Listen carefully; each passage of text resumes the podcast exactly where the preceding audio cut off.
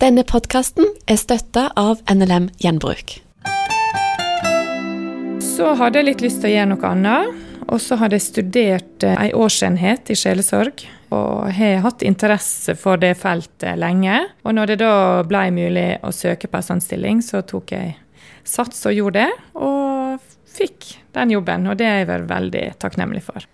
Hva er det som gjør at du har valgt den retninga i arbeidslivet? Du sa jo litt om at hvor du begynte som barne- og ungdomsarbeider osv.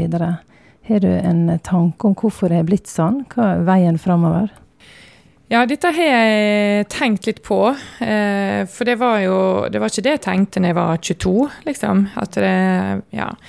Men jeg har alltid likt å snakke med folk, da. Det må nå være lov å si. Alltid hatt interesse for folk sine liv og syns det er kjekt. Og eh, de åra på bibelskolen, når jeg var lærer her på Fjellhaug, eh, så hadde jeg ikke veldig mye samtaler med elever, men lite grann hadde jeg. Og så framover eh, disse åra jeg var barne- og familiekonsulent eh, i NLM Ung, så vokste det på en måte fram Jeg blei spurt om jeg kunne snakke med noen. Det var noen som tok kontakt, som trengte noen. Og så fikk jeg lov av Hans Christian Skaar, som er leder i Ung, fikk jeg lov å bruke litt av arbeidstida mi på å følge opp ja, sånn to-tre eh, var det mye unge jenter, da. Eh, to-tre stykker i slengen som jeg følte litt opp over tid. Så han sa det var greit at jeg kunne bruke litt arbeidstid på. I tillegg så brukte jeg litt av fritida mi på det. Så det, det, vokste på en måte litt fram. Det er nå et sånt fag som jeg tror det er lurt at en modnes litt inn i. Jeg tror det var lurt at jeg ble litt voksen før jeg, før jeg begynte med det. At ikke jeg begynte med det når jeg var 20, da. Så det, det, er på en måte en vei som er blitt litt sånn til under etter hvert, mens jeg har jobba med andre ting, da. Sånn at når jeg da turte å søke på en sånn jobb, så hadde jeg allerede litt erfaring med sjelesorgarbeid. Så det var ikke helt nytt for meg. Jeg hadde nok ikke turt å søke hvis ikke. ja.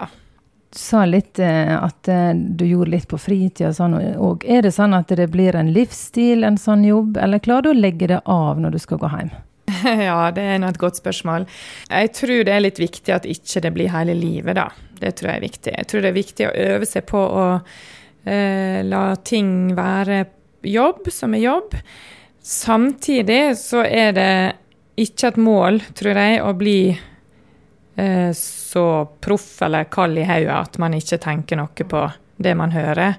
For det er helt umulig å ikke bli påvirka av det som jeg hører i sjelesorgrommet. Men jeg prøver å ikke ta det med meg på en sånn måte at det ødelegger for eh, engasjementet mitt hjemme. Da. Jeg har jo tre barn hjemme og en mann, og, og jeg tenker at eh, at jeg må prøve å være til stede for dem når jeg er hjemme. Og så noen ganger så kan det være litt vanskelig. Noen ganger er det vanskeligere enn andre ganger. Men sånn tror jeg når det er for folk i andre jobber med, at når det står på, så kan man av og til kjenne at en, en bærer det med seg hjem igjen med. Men jeg øver meg fortsatt på at jobb skal være jobb, og er nok nokså sånn tydelig med konfidentene mine med på at at de kan ta kontakt utenom hvis det er et eller annet å sende en melding eller noe, men det er ikke sikkert jeg svarer før jeg er på jobb dagen etterpå. Og det ligger liksom i avtalen, på en måte. Hva gjør Grete Yksnøy Martinsen når hun skal slappe av og tenke på helt andre ting? Da går jeg tur. da eh, springer jeg en tur, eller så går jeg tur i naturen. Jeg er veldig glad i å være ute, så jeg er ikke så flink å slappe av inne. Eh, så barna mine med de sier litt sånn 'Kanskje du skulle hatt en tur i marka, mamma?' Når de skjønner at nå trenger jeg å komme meg ut. Så da eh, er jeg blitt veldig glad i Oslomarka, selv om jeg er sunnmøring. Så da tar jeg meg en, en tur ut, ja. Grete Yksnøy Martinsen har vi som gjest i Petro-gjesten i dag. Og hun er fagkonsulent i sjelesorg og veiledning. Et eh, langt ord. Du Grete, hva, hvordan ser en vanlig dag ut for deg? Jeg regner med at det ikke er likt hver dag? Nei, jeg syns jeg er heldig, for jeg har veldig ulike dager. Eh, men jeg skal bruke en del av tida mi på å snakke med enkeltmennesker. Så jeg har en del samtaler her på kontoret mitt eh, med det som vi kaller konfidenter. Det er de som kommer hit. Eh, og så bruker jeg en del tid på å lese litt fag innimellom. Prøver å få tid til det. Og så underviser jeg en del i organisasjonen på sjelesorgtema. Fordi vi er tre ansatte som sjelesørgere i NLM, eller fagkonsulenter. da. Tanken er at vi skal være med å løfte sjelesorgarbeidet i organisasjonen. Så da underviser vi i regionene våre, i forsamlinger. Jeg er litt rundt på de videregående skolene våre og underviser. Jeg underviser litt på Fjellhaug når jeg blir spurt om det. Så det er, og det trives jeg veldig veldig godt med, å få lov til det. Litt forkynnelse blir det, så, så ganske variert. Og så når jeg sitter her på hovedkontoret, som jeg gjør, så blir man involvert i litt av det som foregår her med, så det med kan være en del av arbeidsdagen min. Hva er det slags tema du snakker mest med folk om? Kan du si noe om det? Har det vært en utvikling i de åra du har vært? Og hva er det folk ønsker temaundervisning om? Altså, I sjelesorgarbeidet mitt med sånn én-til-én, så jeg har nå holdt på noen år. Jeg vet ikke om det er så stor endring de åra jeg har holdt på, men det er, det er nå egentlig alt mulig som livet inneholder. Da. Eh, det er mye relasjoner. Mennesker som på ulike måter enten har hatt vanskelige relasjoner som de kommer ifra, eller som de står i nå. Unge mennesker som er prega av det som samfunnet i dag eh, preges av, med prestasjonsjag og vanskelig for å velge. Eh, det er så mange muligheter. Hva skal man da velge? Det er det en del av. Ensomhet treffer jeg på en del av. Uh, usikkerhet på egen identitet, hvem man er. Hva skal jeg bruke livet mitt på? Alle disse tingene som jeg tror de aller fleste av oss tenker på innom i løpet av livet, men der det har blitt litt stort, da, at det, det tar litt over. Og så er det jo viktig for meg at dette settes inn i en ramme av tro, da. Så at uh, litt av min jobb er jo å bringe Gud også inn i, inn i samtalen der det er naturlig. Og så er det mange samtaler der, der uh, det får lov å ligge, men er et bakteppe i det vi snakker om. Men det er viktig også å løfte frem dette med tro, og få snakka om det. Hva påvirker deg i jobben din? Hva blir du ja, ekstra berørt av? Er det noe? Ja, det er det. jeg bruker å si i undervisninga mi at, at, det er viktig for oss mennesker at vi er født inn i relasjon til andre. Fellesskap. Gud ville fellesskap, han ville ha fellesskap med oss, og så har han skapt oss til fellesskap med hverandre. Og der skjer jo alt eh, det beste i livet vårt. på en måte, sant? Det å ha gode vennskap. En del av oss lever i familier. Det å ha gode familier. Men så er det også der det aller mest smertefulle skjer, da. Og jeg har sagt at jeg kommer til å spørre Gud hvordan han tok sjansen da, på å la, la mennesker fødes inn i, inn i, alle slags familier. For det er klart at det, jeg møter en del disse som har hatt eh, en eh, utrolig vanskelig oppvekst pga. foreldre og foresatte som ikke har eh, sett og hørt barna sine, og ikke har evna å gi dem det de trengte. Og det, ehm, det, er noe av det som jeg, jeg syns er utrolig vondt å treffe på. Har du da som sjelesorger og veileder et råd til de som lytter? Ja, jeg har jo veldig trua på å snakke om det som livet har servert, da. Eh, og så er det mange som trenger noe annet enn en sjelesørger. Jeg, jeg heier veldig på psykologer og psykiatere som I Norge har vi utrolig mange gode folk som jobber skikkelig med sånne ting. Så, så mange trenger det. Også, men om ikke det er på det nivået at man trenger en psykiater, så å snakke gjennom livet sitt med noen, fortelle hva, hva man har møtt, hva en har opplevd, eh, sår, gode ting, de vonde tinga. Og så er det litt så rart det som skjer når det kommer ut i rommet. Når man får løfta det ut fra seg sjøl og får sagt det høyt, så hører en det sjøl også på en ny måte. Og så bruker jeg å si at da kan vi liksom betrakte det litt, da. Denne historien som nå er ute i dette rommet her. Så kan en betrakte det litt, og så får man øye på noen ting som en ikke ser, tror jeg, da, når man sitter bare med det alene. Og så har jeg møtt en del godt voksne folk som aldri liksom fått muligheten til å sette ord på livet sitt. da. Og de har liksom fått litt sånn eh, hva jeg si, økende hjerte for. da, At, eh, at eh, altså, de som er over 60 med, skal, skal, finne et rom der de får fortelle gjennom livet sitt til noen som gidder å høre på. Fantastisk eh, mye fint som kan skje da, altså. Det er aldri for seint, tenker du? Nei, det er det ikke. Det er aldri for seint å, å, ta tak i, i, ting i livet sitt. Finne noen gode som, som virkelig ønsker å høre, og, og har evne til å høre.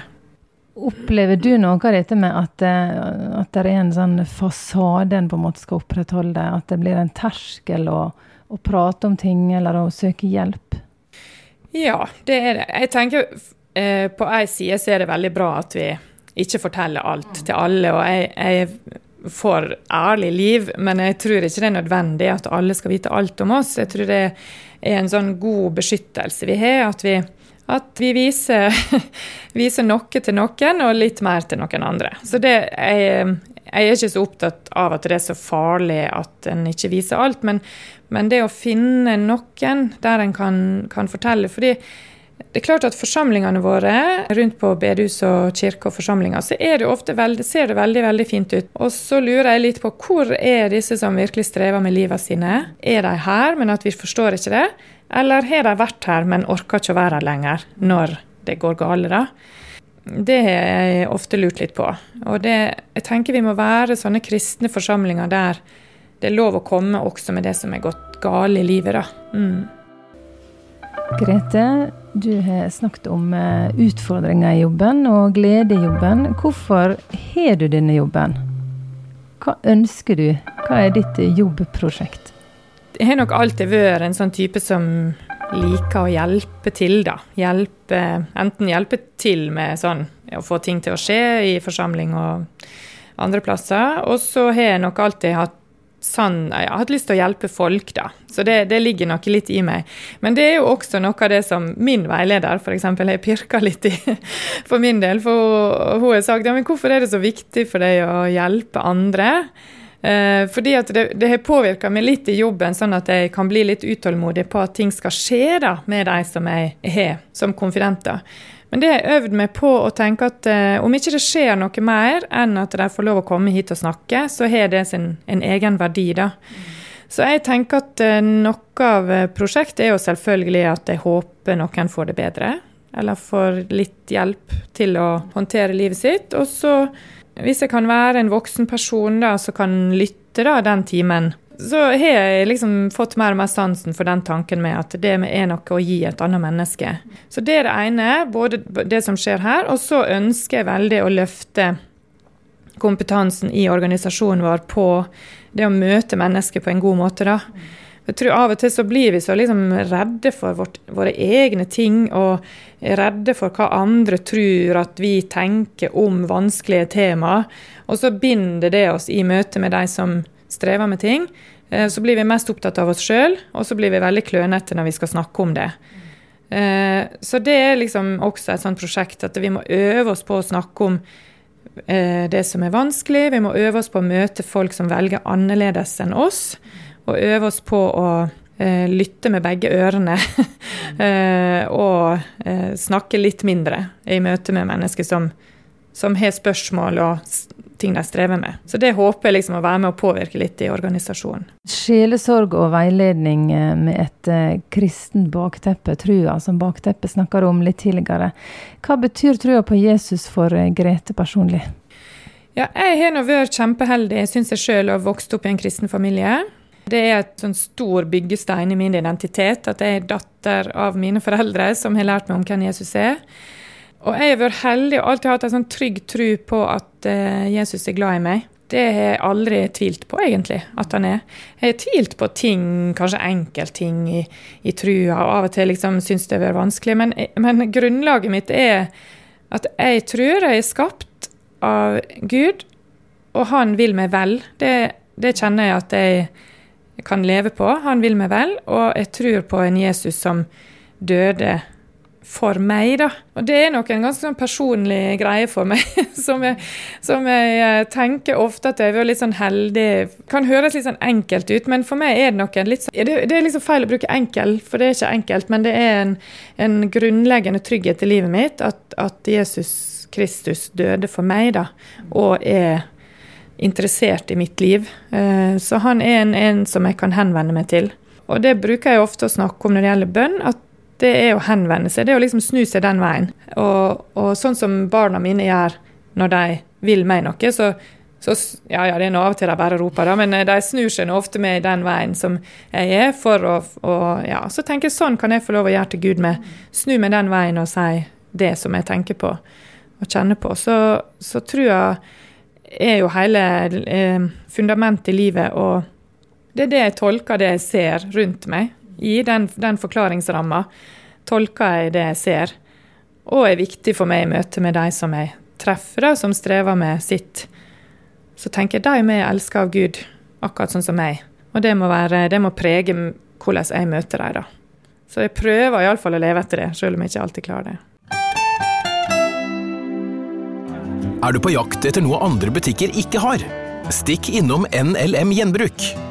En tur i en av våre gjenbruksbutikker er en spennende skattejakt.